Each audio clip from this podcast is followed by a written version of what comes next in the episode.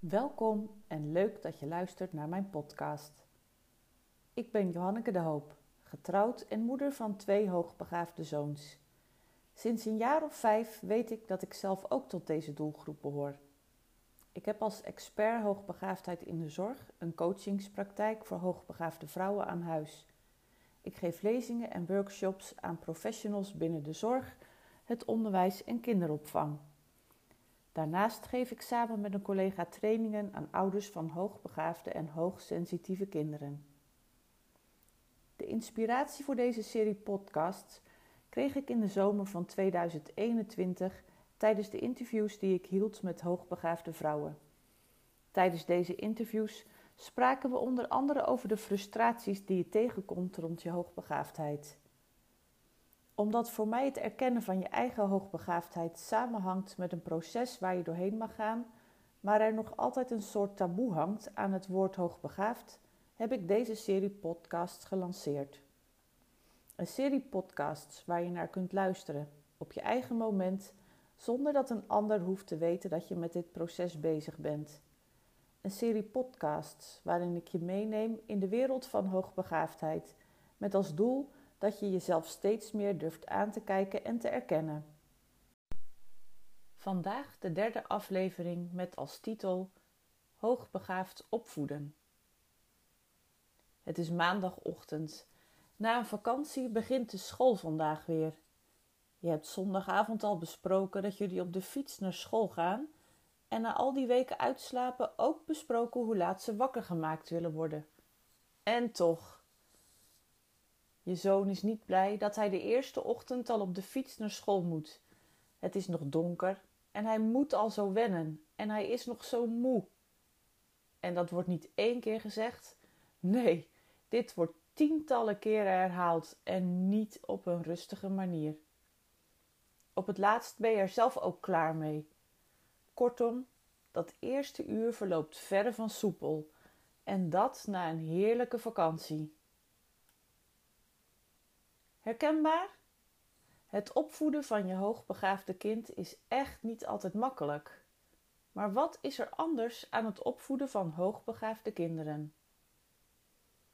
Hoogbegaafden beleven de wereld intens. Ze zijn creatief en kunnen een bepaald gevoel voor humor hebben dat de omgeving niet altijd begrijpt. De emoties zijn extreem en hoogbegaafden kunnen ontvankelijk zijn voor angsten. Ze komen met argumenten waarvan je denkt: tja, daar zit wat in.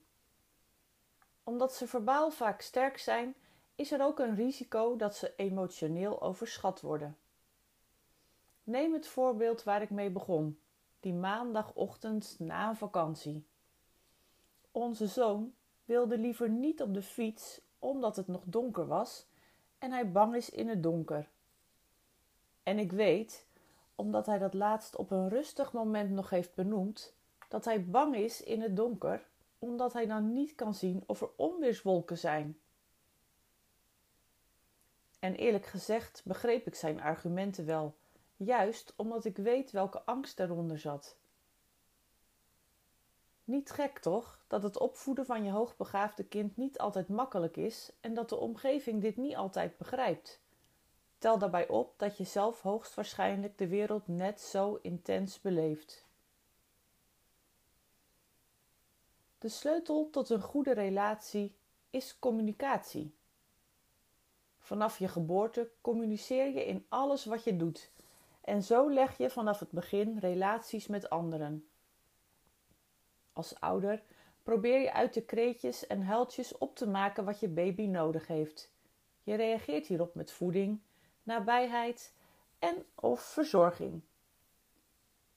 Geleidelijk aan krijgt het contact meer inhoud en voordat je het in de gaten hebt zit ze in groep 7 of 8 en staat het VO voor de deur. De communicatie verandert met de leeftijd en de relatie groeit mee. Communicatie is een wezenskenmerk van elke relatie. Een goede relatie met je kind is belangrijker voor zijn of haar toekomst dan welke onderwijskundige maatregel dan ook.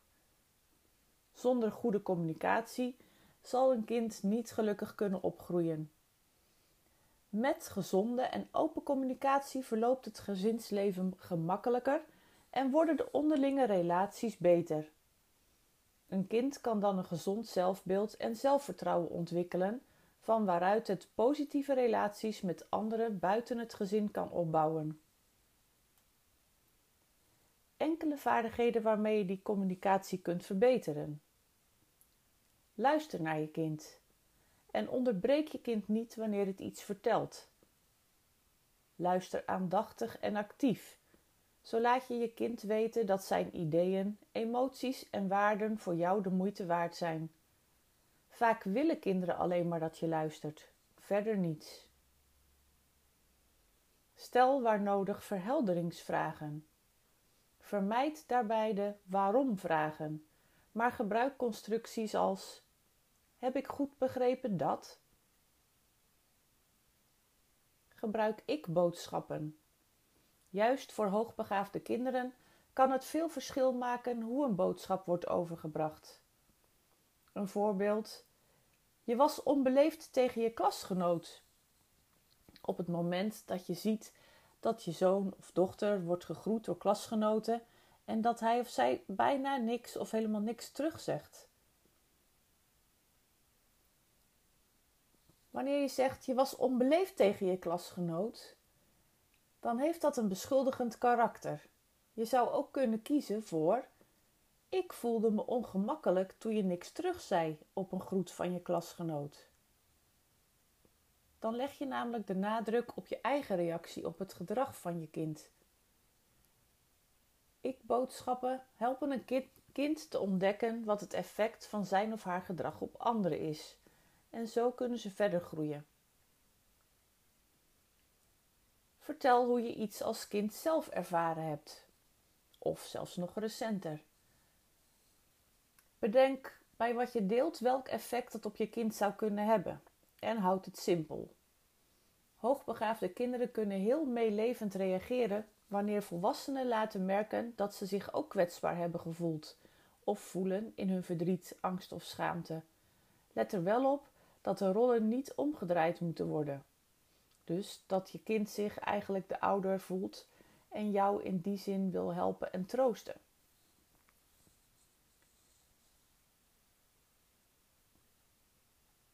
Daarnaast zijn gedeelde ervaringen een cruciale schakel om verbondenheid met anderen te voelen.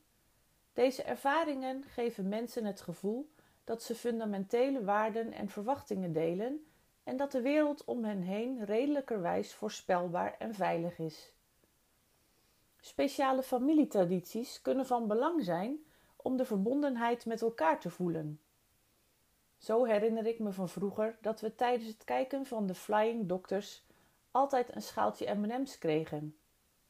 Zelfs nu ik volwassen ben en ik een schaaltje M&M's klaarmaak, kan ik me dat gevoel van toen nog levendig terugroepen. Met ons eigen gezin hebben we ook speciale familietradities. Eentje daarvan is dat een jarige altijd ontbijt op bed krijgt. Meestal is dat dan een eierkoek of een plakje ontbijtkoek versierd met snoep. Dit hebben onze jongens jaren geleden zelf bedacht en dat wordt nog elke verjaardag uitgevoerd.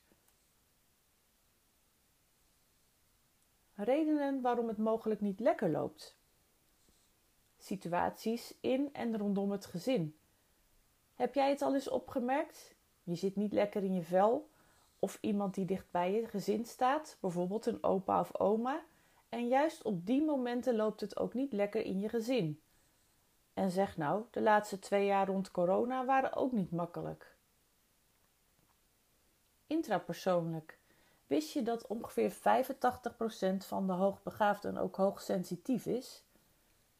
Ook lopen hoogbegaafden een grote kans op faalangst. Dit kan ook meespelen als het niet helemaal lekker loopt in je gezin.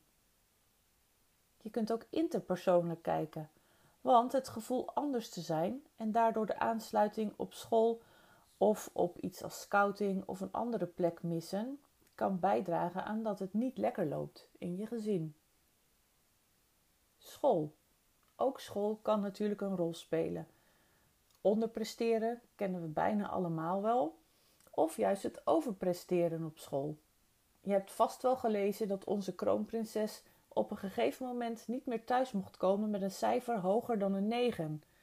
Dat klinkt in mijn oren toch als een jonge meid die aan het overpresteren was.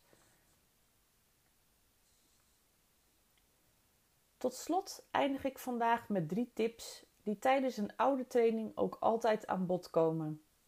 Drie tips waarmee ik je uitdaag om ze in te gaan zetten. Misschien niet alle drie tegelijk, maar begin er eens mee en na een tijdje zul je versteld staan. De eerste tip is speciale tijd. Om de communicatie met je kind te verbeteren, is speciale tijd een van de beste dingen die je jezelf en je kind kunt geven. Zeker tijdens een vakantie waarin de kinderen samen thuis zijn, is dit een belangrijk moment. Geef individueel ieder kind elke dag enkele minuten onverdeelde aandacht. Het hoeft geen uren te zijn als het maar elke dag gebeurt. Laat je tijdens deze tijd niet afleiden. Stel dat toch de telefoon gaat en je moet hem even opnemen, vertel dan dat je op dat moment echt even geen tijd hebt omdat je bezig bent met je kind. Je kunt je voorstellen welk gevoel je kind hiervan zal, van zal krijgen. Hij zal zich erg belangrijk voelen. Een voorbeeld hiervan is dat onze jongste s'morgens nog even heerlijk in het grote bed komt liggen. Hij is altijd wel eerder wakker dan de oudste. En zo kunnen we nog even knuffelen, rustig wakker worden en de komende dag doornemen. En s'avonds is het dan tijd voor de oudste. De jongste ligt al eerder in bed. En s'avonds krijgt de oudste dan dus de speciale tijd. Samen een spelletje doen, samen een tv-programma kijken het maakt niet zoveel uit wat we eigenlijk samen doen, als het maar samen is. Tip 2. Betrappen op goed gedrag. Is het herkenbaar dat je sneller geneigd bent om het foute gedrag van je kind te benoemen? Alles wat je aandacht geeft bloeit. Zou dat ook zo zijn met het positieve gedrag? Ik ben van mening dat dit zeker zo is. Probeer elke dag in ieder geval één of twee dingen te vinden waarmee je je kind kunt prijzen. Het werkt het beste wanneer je je kind er vaak en snel op betrapt dat het iets goed doet. Dit zal het meest effectief zijn wanneer die lof specifiek gericht is op het vertoonde gedrag. En weet je wat zo leuk is? Mijn kinderen betrappen mij ook steeds vaker op goed gedrag. Lachen toch? De laatste tip is de wind uit de zeilen nemen. Als ouder wil je vaak dat je kind iets op een andere manier doet of dat het stopt met bepaald gedrag. Ik betrapte mezelf er bijvoorbeeld regelmatig op dat ik mijn kinderen er steeds op kan blijven wijzen als ze iets niet goed doen. Dit heet ook wel vitten of zeuren. En vitten werkt niet. Door te vitten geef je twee tegenstrijdige boodschappen. Met woorden veroordeel je het gedrag van je kind en door aan te houden geef je de boodschap dat vitten acceptabel is. De wind uit de zeilen nemen is een techniek waarmee je het gezeur kunt verminderen of stoppen. Betrap je jezelf op zeuren of is je kind aan het zeuren? Wend je dan af zonder enige uitleg of commentaar. Trek je terug uit de situatie Ga bijvoorbeeld naar de wc, badkamer of andere privéruimte. Doe de deur op slot en zorg voor leesvoer of muziek om je te ontspannen. Als het gezeur is gestopt, kun je weer teruggaan. Nu bestaat natuurlijk de kans dat het gezeur weer begint zodra je naar buiten stapt. Ga dan weer terug, zonder commentaar of uitleg. Na een paar keer zul je het effect ervaren. Bedankt voor het luisteren. Wil je meer weten over de oude training of ben je benieuwd naar mijn aanbod? Ga dan naar mijn website www.opstap-coaching.nl of bezoek mijn Facebookpagina op Stapcoaching Middelburg. Heb je suggesties voor een nieuwe aflevering of wil je een review geven? Laat gerust een reactie achter.